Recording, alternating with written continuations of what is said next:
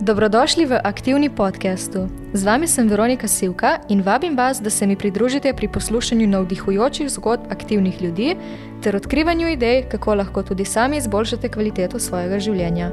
Gosti v naših epizodah delijo svoje izkušnje in lastno mnenje, kar pa ni nadomestilo za nasvete strokovnjakov. Tokrat je z nami Zala Mlinšek, magistrica prehrane. Svojim znanjem Zala številnim pomaga pripravljati bolj zdrave in hranljive obroke ter izboljšati odnos do hrane, obenem pa rada deli tudi okusne in zdrave recepte. Zala, dobrodošla. Zdravo. Um, ura je zdaj v bistvu že kar pozna, tako da te bom vprašala, kakšen dan je za tabo.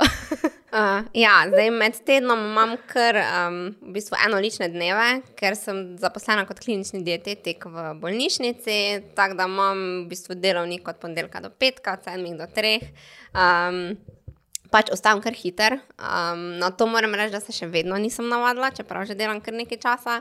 Um, ful rada spim, ampak pač sem se nekako sprijaznila, da to nadoknadim potem za vikende. Um, drugače pa ja, ostajam kar hitro, no, nekje do pol šestih zjutraj je fajn, da sem že izven postelje. Um, od nekdaj sem prvo stvar, ko sem ostala zjutraj, mogla si pripraviti zajtrk. To je taka navada, ki je pač um, ful, oziroma zelo pomembna pri meni. Um, si pa pripravljam različne zajtrke, zdaj zadnja časa pa imam večino, no, kakšne vse kosmiče. Um, sem tudi ugotovila, da je tako živilo, ki me nasiti za zelo dolgo. Um, ja, potem pa pač pojem zajtrk in šibam v službo. Tako da, ja, nič kaj zanimivega. no, hrana je v bistvu tako kar velik del tvojega življenja, tudi karjerno. ja, ja, uh, ja. Kako pa to, da si se sploh navdušila na tem področju in se potem tudi odločila za študij prehrane?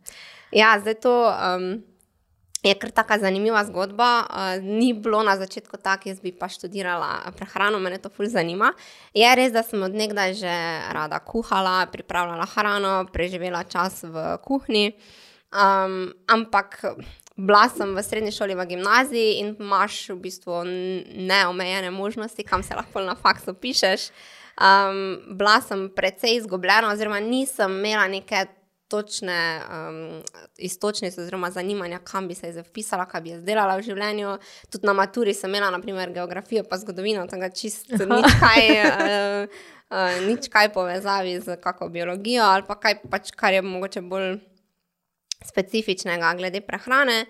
Uh, v bistvu je mo moja mama zasledila ta uh mhm. -huh. faks v Izoli. Jaz sploh nisem v bistvu vedela, da takrat da obstaja uh, fakulteta za um, zdravje, oziroma kjer lahko študiraš eh, prehrano, prehransko svetovanje. Ker takrat se mi zdi, to je bilo leta 2014, se še ni tako face, oziroma vsaj nisem sama to um, bila v tem, da bi vedela, da se to govori, da so dietetiki v bolnišnicah, v zdravstvenih domovih, da sploh lahko kaj takega študiraš. Um, ja, in potem smo šli dol na informativni dan, in ko sem jaz videla, kje se nahaja ta faks, uh, pogled na morje, ker od nekdaj sem pač že ful rada hodila na morje, um, sem pač se pa nekako odločila, pač ja, zakaj pa ne gremo živeti na obalo. Tako da to je bil no, nek um, taki skupek dejavnikov, ko sem se pa odločila. Sem pa imela fululka sreča, da sem uh, zadela, tako smer, ki me res zanima. Um, ja, tako da sem pa še šla no, na biotehniško v, uh, v Ljubljano, na magisterij. Uh, zdaj, v bistvu, kompetence so zelo podobne, če si magister prehrane ali pa če si potem magister klinične dietetike. Um, ampak hotla sem imeti malo večjo širino znanja, ker se mi zdi, da če ostaneš na istem faksu, so enaki profesori, zelo podoben predmetnik pač da, da v bistvu malo več tudi eh, veš, oziroma dobiš malo več istočnic, kam lahko greš po kako znanje. Um, ja, no, potem pač sem se kot tudi zaposlila kot klinični dietetik, ampak sem. Kljub temu se mi je zdelo, da še to ni dovolj, ker me je vseeno res zanimalo, uh, sama priprava hrane, tudi um, raznih receptov. In sem potem pač svoje znanje vključila v to, da sem začela pripravljati take jedi, ki so hranljive, uravnotežene in to tudi predstavljati ljudem. In sem še potem naknadno odprla SP, um, mislim, da ga imam zdaj že hm, eno leto. Hm. Ja.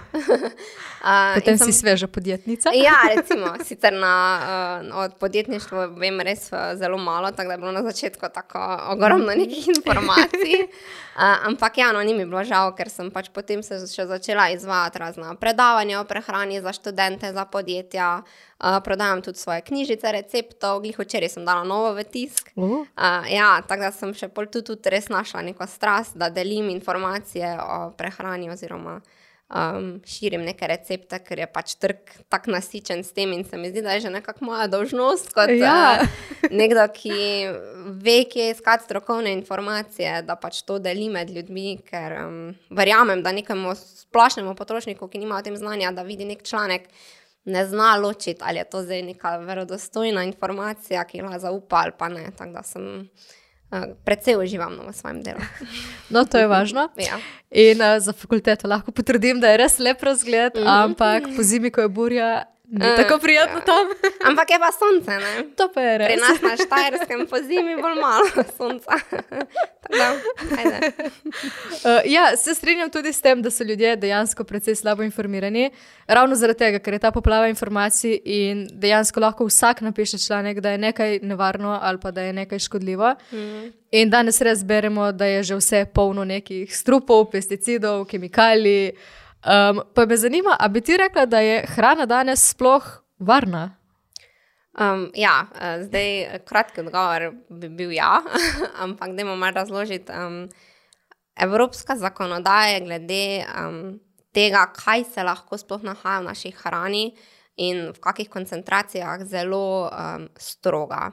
Um, napisanih je ogromno zakonov, pravilnikov, tudi inštitucij imamo ogromno, ki to preverjajo, tako v Sloveniji, kot na nivoju Evropske unije. Uh, naprimer, um, v Evropi je Evropska agencija za varno hrano, ki v bistvu tudi sestavlja zakone, ki potem v bistvu posreduje na vse članice Evropske unije. Um, in so res um, zelo um, v bistvu strogi um, glede um, pravil, ki se jih moramo v prehrani držati. Uh, v bistvu se živilo na naši policiji ne pojavi, zdaj ker tako mora v bistvu iti čez velik uh, postopkov preverjanja, že pri sami pridelavi živila uh, in potem pri predelavi, torej neki um, proizvajalec um, mora zagotoviti veliko pogojev, uh, da lahko sploh živilo da na trg. Tako da, um, ja, no, jaz zaupam v našo. Um, živilsko verigo in verjamem, da so živila varna, ker um, namen zagotavljanja torej, take dobre uh, prakse je pač um, predvsem Evropske unije in tudi Slovenije, da ohranja oziroma skrbi za zdravje potrošnikov. Tako da jaz verjamem v to. Kaj pa sploh pomeni, da je živilo varno? Kakšne pogoje mora izpolnjevati? Uh, ja, zdaj, sama varnost živil uh, v prvi vrsti je m, mm, zelo širok pojem, ker v bistvu v Sloveniji tudi obstajajo tudi varne hrane. Um, tista splošna definicija, v bistvu, kaj je varno živilo, pomeni, da vsebuje komponente v takšnih koncentracijah, ki ne vplivajo negativno na zdravje potrošnika. Um, zdaj, um, če pa gremo mogoče malo bolj podrobno, so pa v bistvu varna živila tudi tista, ki zagotavljajo sledljivost. To pomeni, da na živilu so podatki o tem, uh, odkot je živilo prišlo, oziroma vse sestavine, odkot so bile. Um, če so bile pripeljane, kako so bile pridelane, uh, tudi za higijensko prakso morajo skrbeti med samo pridelavo, potem tudi, da živilo ne zavaja. Um, to pomeni, da so vse trditve, ki so na živilu, resnične um, ja, in da so seveda pravilno označene. Uh, velik dejavnik je, ki vpliva na samo varnost živila, uh, ampak v splošnem mora s tisto neki primer, torej, da ne vpliva negativno na naše zdravje. Kako pa to določijo? A je možno, da recimo eno živilo ima neko snov, ki v neki manjši količini ne škodi na zdravje, ampak če bi ga uživali vsak dan, bi škodilo? Ja, razumem. Um, zdaj, um, za vse snovi, ki so dodane v živilih, je uh, zakonsko določeno, v kakšnih koncentracijah se lahko nahajajo tudi glede na to, kakšne vplive ima neko, neko sestavina na naše zdravje, največkrat so to kakšni aditivi. Um, je pa tudi um, z vidika uh, uporabe živil uh, določeno, koliko um, aditiva, no, v tem primeru se lahko v živilu nahaja. To pomeni, da če so neka živila, ki so naprimer statistično dokazano v prehrani bolj uporabna, je tudi um, v tem primeru sama zakonodaja takšna, da v takih živilih more, uh, more biti procentualno manj nekega določenega aditiva. Ne? Zračunano v bistvu na tak način, da pri neki pestri, uravnoteženi prehrani, če se to živilo, naprimer v naši prehrani, v, m, je prisotno vsak dan, da nima nekega negativnega zdravja na naše, um, oziroma nekega negativnega učinka na naše zdravje. Res so pa glede tega so, uh, zakoni zelo, zelo strogi. Potem se ne rabimo ničesar bati. uh, glede uh, uporabe aditivov, oziroma ki se nahajajo v našem, naši prehrani. Ne. Kako pa je zdaj v zadnjem času, morajo vsa živila vsebovati tudi ene take posebne tabele? Um, kaj pa je na tistih tabelah sploh pomembno za potrošnika? Uh, ja, zdaj verjetno imaš v mislih tabelo hranilnih vrednosti. Uh -huh. um, ja, v bistvu tabela hranilnih vrednosti je ena izmed sestavin, oziroma ena izmed um, zadev, ki morajo biti na živilih um, označena. Torej, tudi to urejajo zakoni, ne, ni zdaj to kar tak. Um, torej, vsako živilo, ki je na polici, mora zakonsko vsebovati določene sestavine oziroma navedbe, med, njim, med njimi je tudi um, ta hranilna uh, vrednost. Uh, je pa tudi. Um, V bistvu v osnovi ne, vsa živila morajo vsebovati državo porekla, potem neto težo živila, potem tudi um, pogoje uporabe ne so potem uh, uporabiti do, pa uporabno najmanj do. To so tudi dve taki razliki. Uh, naprimer, živila, ki vsebujejo um, zvezo porabiti do, pomeni, da do tistega datuma je živilo primerno za uporabo, potem pa je priporočljivo, da se to živilo zavrže, ker zaradi raznih mikrobioloških lastnosti lahko negativno vpliva na naše zdravje. Pri tistih živilih, ki pa vsebujejo navedbo uporabno najmanj do.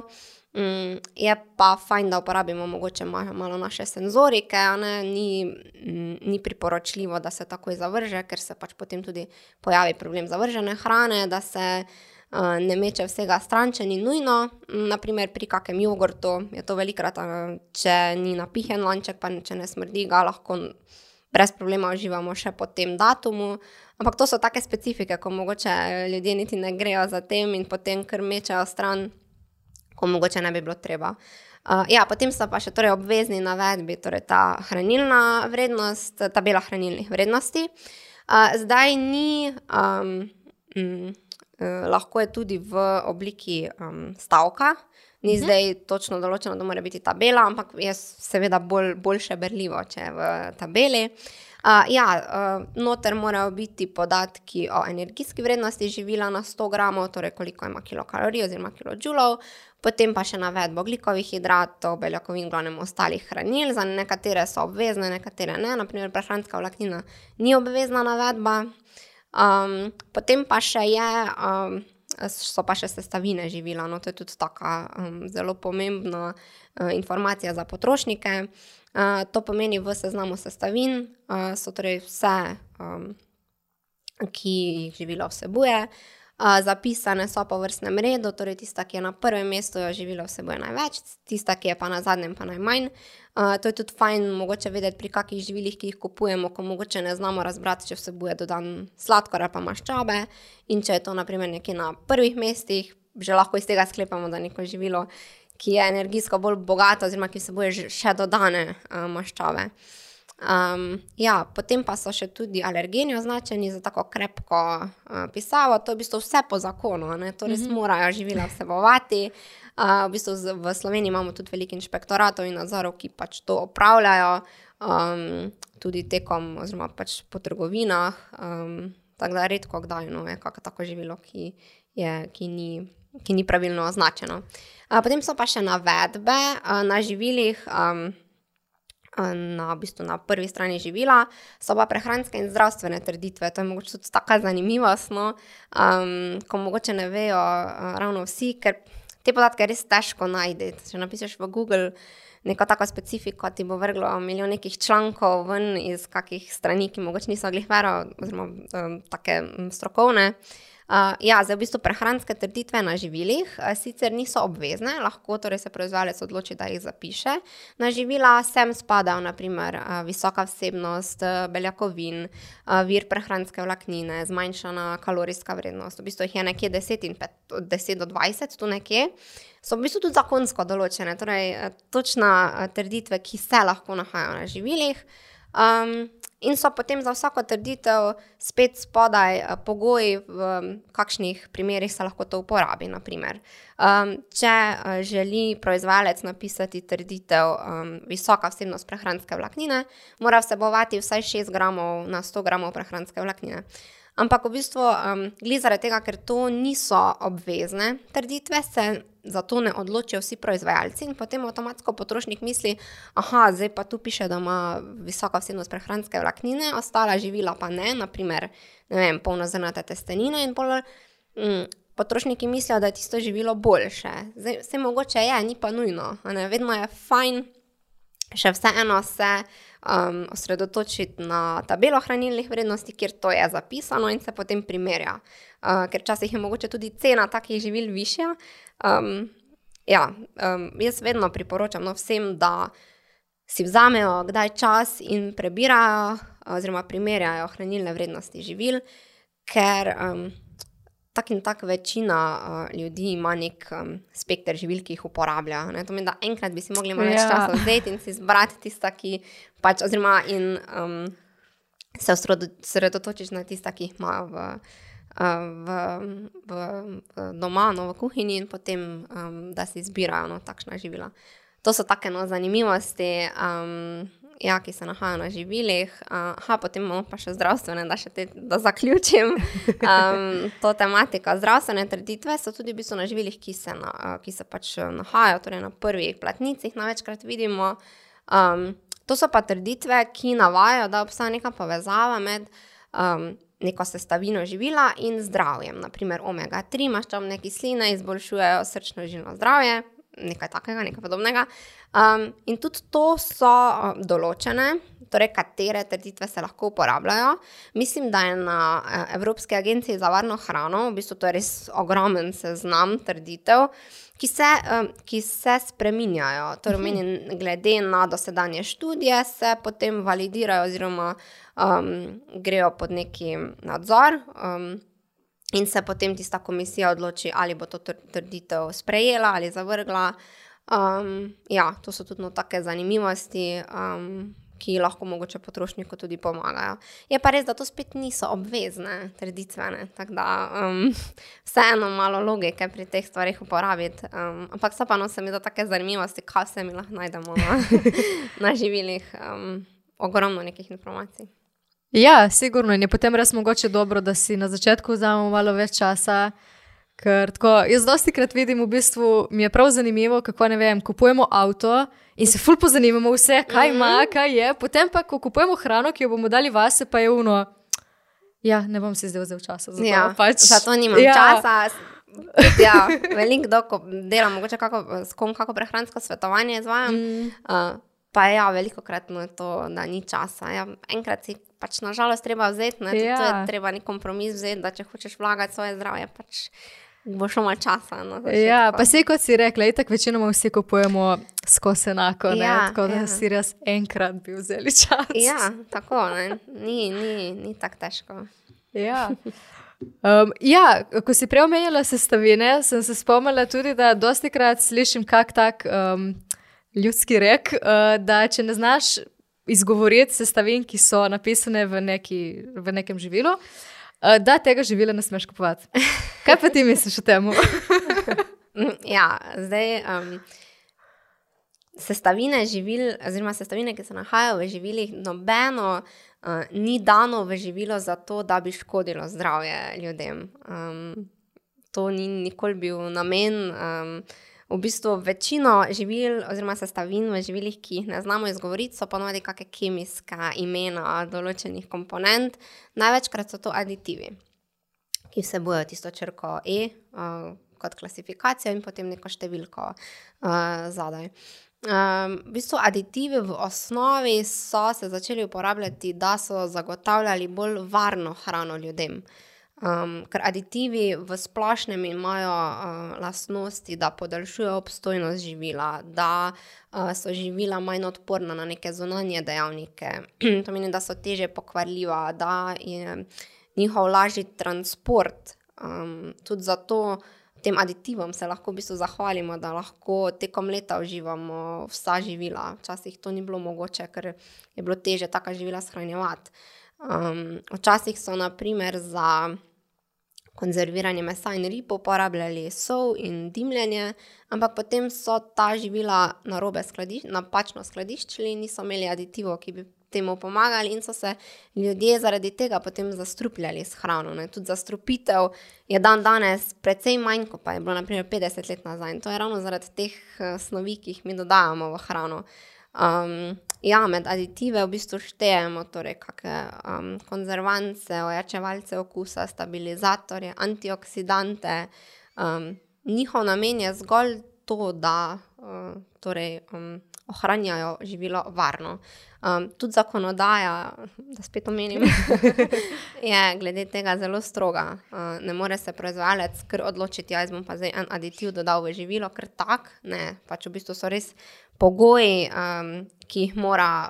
Um, Ki jih mora izpolnjevati, torej neki tehnološko, med tehnološko pridelavo, da v bistvu lahko sploh doda nek aditiv v, v živilo. Tudi koncentracije so strogo določene, um, ampak, naprimer, no, zdaj, uh, da, se, um, da grem nazaj na to, da, da naprimer, ne moremo izgovoriti nekega. Um, Neke, vse, neke sestavine. A, naprimer, poznaš askorbinsko kislino, verjetno si že ja, slišala. V bistvu, ja. ja, no, ampak mogoče to je za taki primer, ampak se mi zdi, da velikrat ljudem predstavim. Askorbinska kislina se mogoče sliši zdaj kot, jo to pa je težko berljivo, to pa verjetno ni za našo prehrano. To v bistvu je aditiv. Uh, mislim, da ima E300, ker sem se prav zdaj, da pridem z neko informacijo. V bistvu je to vitamin C, ampak v tem primeru služi kot antioksidant, je aditiv za uh, ščitenje um, pred neki, neko oksidacijo, pred uh, žarkostjo. Uh, in pač, ok, v tem primeru je bil narejen sintetično, ampak to je v bistvu čist naravna sestavina, ne? pač niso zdaj aditivi, neki bav-bav. Um, zgolj so bili ustvarjena ta klasifikacija zaradi lažjega vem, zapisovanja. Um, Ampak ni zdaj, se pravi, v osnovi ni, um, ni namen dodajanja nekih snovi zaradi um, zaradi, da bi škodili našemu zdravju. Je pa seveda, ko izbiramo živila, bolj pomembno to, da smo osredotočeni na eno sestavino. Um, oziroma, to, to, je, to je najmanj pomembno. Najbolj pomembno je to, da zberemo hranilne vrednosti, da izbiramo živila, ki se bojo manj dodanih maščob in sladkorjev. To je v bistvu bolj, um, bolj vpliva na naše dolgoročno zdravje, kot pa tisti en aditiv, ki je v takih malih koncentracijah, da, da ne bo imel negativnih vplivov. Kako je pa za znako bio? Kdaj lahko živelo dobi tašno znako? Ja, to je tudi um, um, se veliko, ki je že uporablja. Uh, zdaj bio oziroma eko, to sta so pomenke, no, to v mhm. bistvu ima en in isti pomen. Uh, lahko vsebuje živilo, ki je bilo pridelano torej na ekološki način, torej ekološko kmetijstvo, največkrat so to kakšna živila rastlinskega izvora. Um, mora pa seveda um, zagotoviti nekim standardom, torej ta pridelava pridelovalec, da lahko potem označi neko živilo z bio. Um, največkrat so to, da se ne uporablja gensko spremenjenih organizmov, um, da se ne uh, uporablja sintetič, sintetičnih škropiv. Um, ja, v osnovi, no pač, da, um, da ni nekih. Um, Takih sestavin, v, ampak ne, pa, ne pomeni pa zdaj to, da je uh, um, neko eko, ekološko živilo bolj zdravo, oziroma bolj hranljivo od drugih konvencionalnih. Tudi če so neke bučke bio, to ne pomeni, da je, da je nek lokalni kmet to prispeval, tudi to lahko pride iz drugega konca sveta. Um, tudi do zdaj ni bilo dokazano v nekih študijah, da bi sama hranilna vrednost, um, naprimer sadja in zelenjave, bila uh, različna med bio in ekološkimi. Um, Tako da zdaj mogoče, če komu po okusu boljše, ja, ampak da bi bil pa pripravljen dati več denarja za to, ker vlaga svoje zdravje, se mi pa zdi, da to zdaj v tem primeru ni tako nujna stvar. Mogoče kdo v smislu kakega okoljskega vpliva. Mhm. to je mogoče edina taka stvar, ko bi lahko kdo izbiral bio z tega vidika, ampak da bi, da bi imele pa druga živila, ki niso bio, kaken, kakšni negativni vpliv na naše zdravje. Absolutno ne. Uh, mogoče bi pa tu še vseeno poudarila, da uh, že veliko naprimer, um, predelanih živil, kot kakšni piškoti, vsebujejo naprimer oznako bio. Uh -huh. In potem ljudje avtomatsko kupijo to, ker mislijo, da ja, je to zdaj verjetno bolj zdravo, oziroma mm. bolj hranljivo. Um, vsebujejo mogoče manj maščob in sladkorja, ampak v bistvu ni tako. Um, velikrat so te bio praktično enaki, kot um, kar se tiče hranilne mhm. vrednosti. Mm -hmm. ja. um, mi tudi lahko dobimo ekološko pridelan sladkor, pa olje. um, tako da nekih večjih um, razlik ni, pač v splošnem so to živila, ki so malo bolj um, cenovno. Um, v višjem rangu. Um, jaz kupim um, kako biolož, ekološko živilo, če mi je bolj okusno, to pa je edini vzrok, zakaj bi mogoče s komu priporočala no, um, izbirati ta živila. Kako pa je recimo z špricanjem pri sadju in zelenjavi? A če so neka jabolka, če imajo oznako bio, a to pomeni tudi, da so manj špricana, da mogoče sploh niso? um, ne, mislim. Kar se tiče škropiv, pri ekološki pridelavi je samo, zdaj, koliko jaz poznam, uh, da niso uporabljena sintetična škropiva. Vseeno pač se jih šprica, ne, da dobijo nek pridelek, ki ga lahko dajo na police. Tako da vseeno so uporabljena škropiva, ampak malo drugačna. Je potem v bistvu oboje špricano na nek način. Ja, ja zdaj, če se samo o špricanju pogovarjamo. Ja, ja, ja. ja z drugačnim sredstvom. ja, tako. tako. Kako pa je recimo pri teh živilih, kot si preomenjala, recimo kakšni piškoti, da dobijo oznako bio? Koliko procentualno mogoče um, sestavin v tem živilu mora biti iz ekološke pridelave? Mora biti 100% ali je lahko tudi kaj? Uh, to sem se včeraj z uh, eno kolegico pogovarjala, ker uh -huh. uh, o tem zdaj takega specifičnega znanja jaz nimam. Ona pa glih ravno dela v enem podjetju, ko se uh -huh. tudi s tem ukvarjajo in mi je znala dati na spore roke informacije. Um, in je glede teh um, sestavin. Načeloma rečeno tako, da lahko so neka manjša odstopanja, torej nekje do 5% je lahko sestavin, ki niso iz ekološke mhm. pridelave, drugače pa v veliki večini mora biti, ja, mora imeti ta certifikat. No, prej si omenjala tudi gensko spremenjene organizme. Kako pa je s tem v prehrani? Je sploh dovoljeno uporabljati gensko spremenjene organizme v prehrani ljudi? Um, na nivoju Evropske unije oziroma Slovenije ne ni dovoljeno, da bi bilo katero koli živilo za prehrano ljudi, torej na policah, da bi bilo gensko spremenjeno. Edino, kar je trenutno v Evropski uniji dovoljeno, je krma, torej za živali eh, gensko spremenjena, mislim, da sta soja in koruza. Um, drugače pa ne, je na tem še. Evropa precej konzervativna, nismo Amerika, Amerika je nekaj čist drugega. Um, Tako da, ja, no, v, v prehrani ljudi se gensko spremenjeni organizmi ne smejo nahajati. Potem tudi soja, ki je namenjena ljudem, in koruza, ki je namenjena ljudem, ne more biti gensko spremenjena. Ne, ne, ne sme biti. Kako je pa z, recimo, ko si ravno omenila, da se uporabljajo gensko spremenjeni organizmi lahko za krmo živali? Uh mhm. -huh. Dosti krat na kakšnih mesnih izdelkih vidimo oznako brez GSO. A to pomeni, da živali niso bile, v bistvu, da niso imele krme iz gensko spremenjenih organizmov? Ja, tako. Aha, ja, ja, je potem... ja, ja. Ni to zdaj neke večje. Um, ja, v bistvu tista, ki živila, ki um, torej, piše, da so brez GSO, um, so tudi torej, živali vključene v ta proces. Enako je naprimer z mlečnimi izdelki. Če se boje brez GSO, pomeni, da tista, um, tista krava, ki je dajala mleko za izdelavo teh uh, mlečnih izdelkov ni bila krmljena z gensko spremenjenimi organizmi. Kaj pa živali, ki so bile krmljene s tašno krmo, a morajo potem tašna živila imeti kakšno posebno oznako? Um, mislim, da. I, hm, jaz bi si mogoče upala trditi, da um, tista, ki uh, niso bila uh, hranjena, da je mogoče brez GSO. Um, Zdelo bi se mi logično, ampak ne upam si pa z gotovostjo trditi, um, verjetno ja, no, um, da je bila že okrmljena. Ne vem. ja, mislim, mogoče bi bilo fajn, da bi bilo označeno. ja, ja, ja. Sicer to je zdaj tako. Um, ni nekih um, študij, na, uh, ker tako v Sloveniji se še to ne nahaja v takih velikih količinah. Bi, um, ampak vseeno, zdaj, če bi bile uh, že. Um, Če bi bile neki negativni učinki, uh, se pač takšna živila potem v naši prehrani ne bi smela, um, ne bi smela um, pojavljati, no, ker se pravi, smo kar je zakonodaja, kar striktna. No. Jaz res zaupam v živila, ki so na naših policah. Uh, no, za konec pa bi te vprašala, kaj bi svetovala nekomu, ki si želi mogoče prehranjevati bolj zdravo, na kaj naj je pozoren pri nakupovanju živil? Uh, definitivno ne na to, koliko aditivov vsebuje. um, ja, jaz v bistvu vedno poudarjam nek princip uh, 80-20, če grem na nek splošen zdrav način prehranjevanja.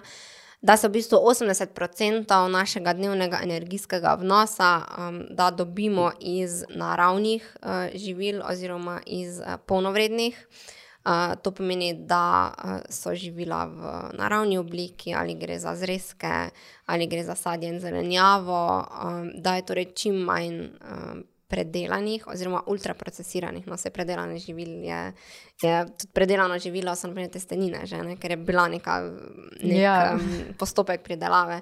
Ultraprocesirana živila so pa res tista, ki so energijsko zelo uh, bogata, to pomeni, vsebujejo veliko kilokalorij uh, in so hranilno revna. To pomeni, da nas ne, um, ne zadostijo z uh, vitamini, minerali, ki jih v bistvu naše telo za zdravje potrebuje. Um, Teh živil se v bistvu priporočam, da se čim bolj izogibamo, oziroma da predstavljajo res zelo majhen del naše prehrane, in posledično se zaužijemo potem tudi manj teh aditivov, ne, ki se jih morda kdo uh, boji, z njimi sicer nič ni narobe, ampak um, naše zdravje zagotavljamo s tem, da ohranjamo res neko zdravo telesno maso, ki potem na dolgi rok nas varuje, nas varuje uh, pred srčno-žilnimi, metabolnimi boleznimi in tukaj je prehrana res zelo pomembna. Um, je pa seveda pri kupovanju živil. Fajn, mogoče poznati, na kaj biti osredotočen. Tudi sama veliko časa porabim uh, s tem, da informiram ljudi, torej, na kaj gledati, ko kupovati živila, kako jih primerjati med sabo, katere sestavine uh, so mogoče uh, pomembne, na katere moramo biti pozorni. Um, predvsem no, se pač v bistvu največ uh, teh um, energije, oziroma nepotrebnih kalorij, če se tako izrazim, nahaja v uh, predelanih mesnih izdelkih, naprimer suhe salame, hrenovke, tam je veliko dodanih maščob, uh, tudi same beljakovine, ki se nahajajo v teh predelanih mesnih izdelkih, so manj kakovostne, tudi velikrat jih je manj v primerjavi z neko pustim uh, mesnim izdelkom, potem seveda gazirane pijače, sladke pijače, to je v bistvu sam, um, samo dodan sladkor. Uh, priporoča se torej pitje vode, uh, nesladkanih uh, pijač. Um, V bistvu to se mi zdi bolj pomembno no, pri kupovanju živil, da v osnovi ne kupujemo ali pa naprimer predpripravljena, naprimer lazanja, piščančji medaljončki, pripravljamo se to doma. Ker mm. doma imamo lahko nadzor nad tem, kaj mi damo v, v, našo, v naše jedi. Um, in da v bistvu tudi je čim manj teh torej, dodanih uh, nekih ali okay, aditivov, maščob, sladkorja. Um, ja, mogoče bi še na tej točki omenila prehranski semafor, um, ko se mi zdi, da še vseeno ga toliko ljudi ne pozna. Uh, v bistvu razvil ga inštitut za nutricionistiko in pomaga splošnemu potrošniku pri m, mm, kupovanju živil, oziroma pri izbiri hranljivo bolj ustreznejših. Prehranski semafor v bistvu deluje na podlagi tega, da se obarva pri določenem hranilu, določe, določene barve, ali je to zelene, ali oranžne, ali rdeče. In lahko potem potrošnik iz tega sklepa, ali je to živilo boljše ali slabše za uporabo. Um, naprimer, puste piščančje prsi se bodo pri maščobah obarvale zeleno, um, neka hrenovka piščančja pa se bo pri maščobah obarvala rdečo, ne? ker imamo tudi um, pri prehranskem semaforju določeno količino hranil, ki se naj bi do določene meje nahajala v živilih, uh, priporočen vnos, no, da se tako izrazim. Obstaja pa tudi spletna aplikacija, mislim, da se Mhm. reče, veš, kaj ješ. Ja, tako je. Ja, no, poznaš. Uh, ampak um, ja, no, res tako fajna je za uporabo, ker se v bistvu noter je baza večino slovenskih živil, ker vem, da jih tudi sproti posodabljajo, uh -huh. ne nalagajo nove. Uh, in je res eno tako zanimivo orodje, ampak vsem svetujem, da ne s tem ratati preveč obsedeni, ker lahko. Moja mama je. Aha, ok. Um, pa vseeno mogoče uporabiti malo logike, ker naprimer pri Haribo bombonih se bojo maščobe uporabljale, obarvale zeleno, ker pač Haribo bomboni maščobe ne Ja. vsebujejo, ampak to še vseeno ne pomeni, da je to neko ful eh, priporočljivo živilo za naše zdravje. No, Ja, je potem še vedno dobro tudi malo uporabiti neke zdrave pameti, Tako, bomo rekli. tako, kar se tiče, kar se tiče vsega. No. Uh, ampak ja, verjamem pa res, da je slovenski trg zasud z ogromno informacijami. Uh, ampak mogoče no, nek nasvet, da če se neka stvar pred, sliši predobro ali pa preslabo, no, da bi bilo res ali da ne bi držala, zelo verjetno pa če tu neki zadnji, da, da to je. Da ne Nekaj sumljivega. Nekaj sumljivega. Ja, ja, ja. Super. Uh, Zale, hvala za sodelovanje in za toliko koristnih informacij. No, z veseljem, hvala za povabilo.